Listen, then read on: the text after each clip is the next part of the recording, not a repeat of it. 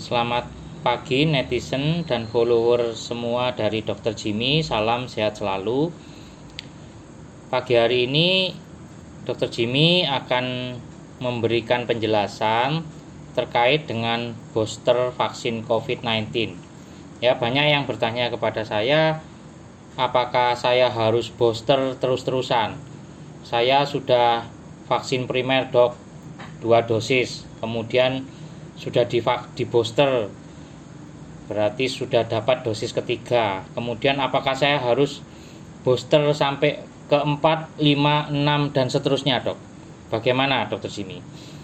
Nah perlu kita ketahui ya jawabannya itu tergantung dari harapan anda ya.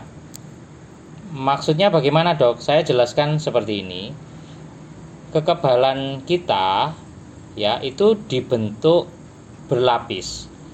Ya. Dan fungsi vaksin fungsi vaksin itu sebenarnya adalah untuk mengurangi kemungkinan kita sakit. Kalaupun sakit jangan sampai meninggal. Dan itu sudah terbukti.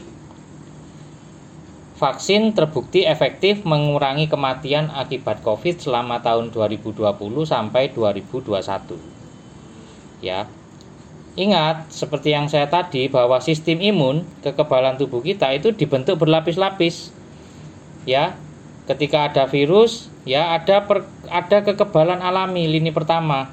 Innate immunity, kekebalan alami pertahanan lini pertama. Ya, itu ya sel-sel tubuh kita didapat dari nutrisi kita, dari makanan yang kita konsumsi tiap hari, itu pertahanan alami tubuh kita yang lapisan kedua adalah kekebalan adaptif, adaptif. Kekebalan yang kita dapatkan dari mana? Dari vaksin, berbentuknya antibodi. Ya, antibodi ini yang akan membunuh virus Covid yang masuk. Nah, kemudian pertahanan terakhir, lini terakhir ya itu adalah kekebalan seluler yang diperankan oleh sel T.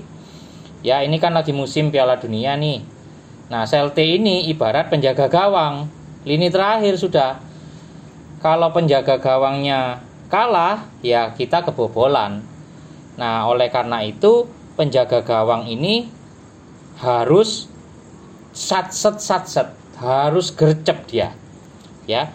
Ingat bahwa antibodi kita pasti akan menurun dalam waktu enam bulan itu pasti semua akan menurun. Ya. Nah, makanya yang tersisa adalah sel T, penjaga gawang. Nah, ketika virus COVID datang menyerang, sel T inilah yang akan membentuk antibodi. Tentu saja dia butuh waktu. Ya, butuh waktu supaya antibodinya itu bisa terbentuk kembali. Nah, pada pasien-pasien yang sudah divaksin, ya, semua vaksin yang ada, vaksin COVID itu terbukti akan merangsang terbentuknya antibodi dan juga sel T. Nah, seperti yang tadi saya sampaikan di awal, harapan kalian bagaimana? Kalau kalian berharap saya kepingin sehat, jangan sampai sakit. Ya, kalau itu harapan saudara, ya silakan booster berulang-ulang untuk menjaga antibodi tetap tinggi.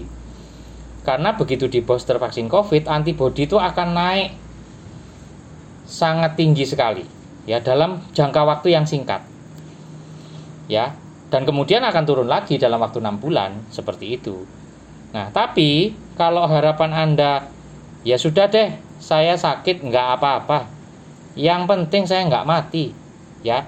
Nah, kalau sudah seperti ini, Anda ya cukup mengandalkan dua vaksin dosis awal saja, tidak usah booster-booster. Ya, paling booster satu kali deh, dok, supaya sertifikatnya dapat tiga, dan bisa jalan-jalan healing ke mana aja tanpa disogrok. Ya. Jadi netizen pertanyaan anda sudah terjawab. Sesuai dengan harapan anda anda kepingin yang mana? Mau booster atau tidak itu terserah anda. Yang kedua yang penting ya. Bagi kalian yang sudah vaksin dosis 1 2 kemudian booster yang pertama dan kalian itu masyarakat awam bukan tenaga medis maupun tenaga penunjang non medis, kalian belum bisa mendapatkan tiket untuk vaksin booster yang kedua atau dosis 4. Hingga saat ini tanggal 22 November 2022 pemerintah hanya memberikan dosis keempat atau booster dosis kedua kepada tenaga medis serta tenaga penunjang non medis. Ya, kami, saya Dr. Jimmy sudah muncul etiketnya. Jadi saya boleh booster kedua, dosis keempat dengan legal. Legal itu artinya dapat sertifikat. Saya dapat sertifikat yang keempat. Ya. Jadi ini juga akan menentukan kalian mau booster berulang kali atau tidak. Lah kalau pemerintah belum melegalkan ya ya berarti kalian tunggu saja sampai pemerintah melegalkan. Ya karena banyak juga yang cerita ke saya mereka malah lebih dulu booster duluan dibanding kita nakes. Kita baru aja bulan Agustus mereka sudah Agustus itu sudah dosis keempat bahkan ada yang dosis kelima. Saya tanya dari mana? Ya mereka memanggil ya memanggil oknum yang bisa melakukan vaksin. Ya tentu saja tidak muncul sertifikatnya. Jadi boosternya bolak-balik, tapi sertifikat yang resmi itu yang dikeluarkan oleh Kementerian Kesehatan. Nah, alasan untuk alasan yang kedua ini ya saya kembalikan kepada hati nurani kalian sendiri. Ya bagaimana apakah kalian mau menunggu pemerintah melakukan booster yang legal atau kalian ingin melakukan booster mandiri sendiri tanpa sertifikat? Ya, silakan itu saya kembalikan ke kalian. Itu aja netizen dari Dr. Jimmy. Salam sehat selalu untuk kita semua. God bless.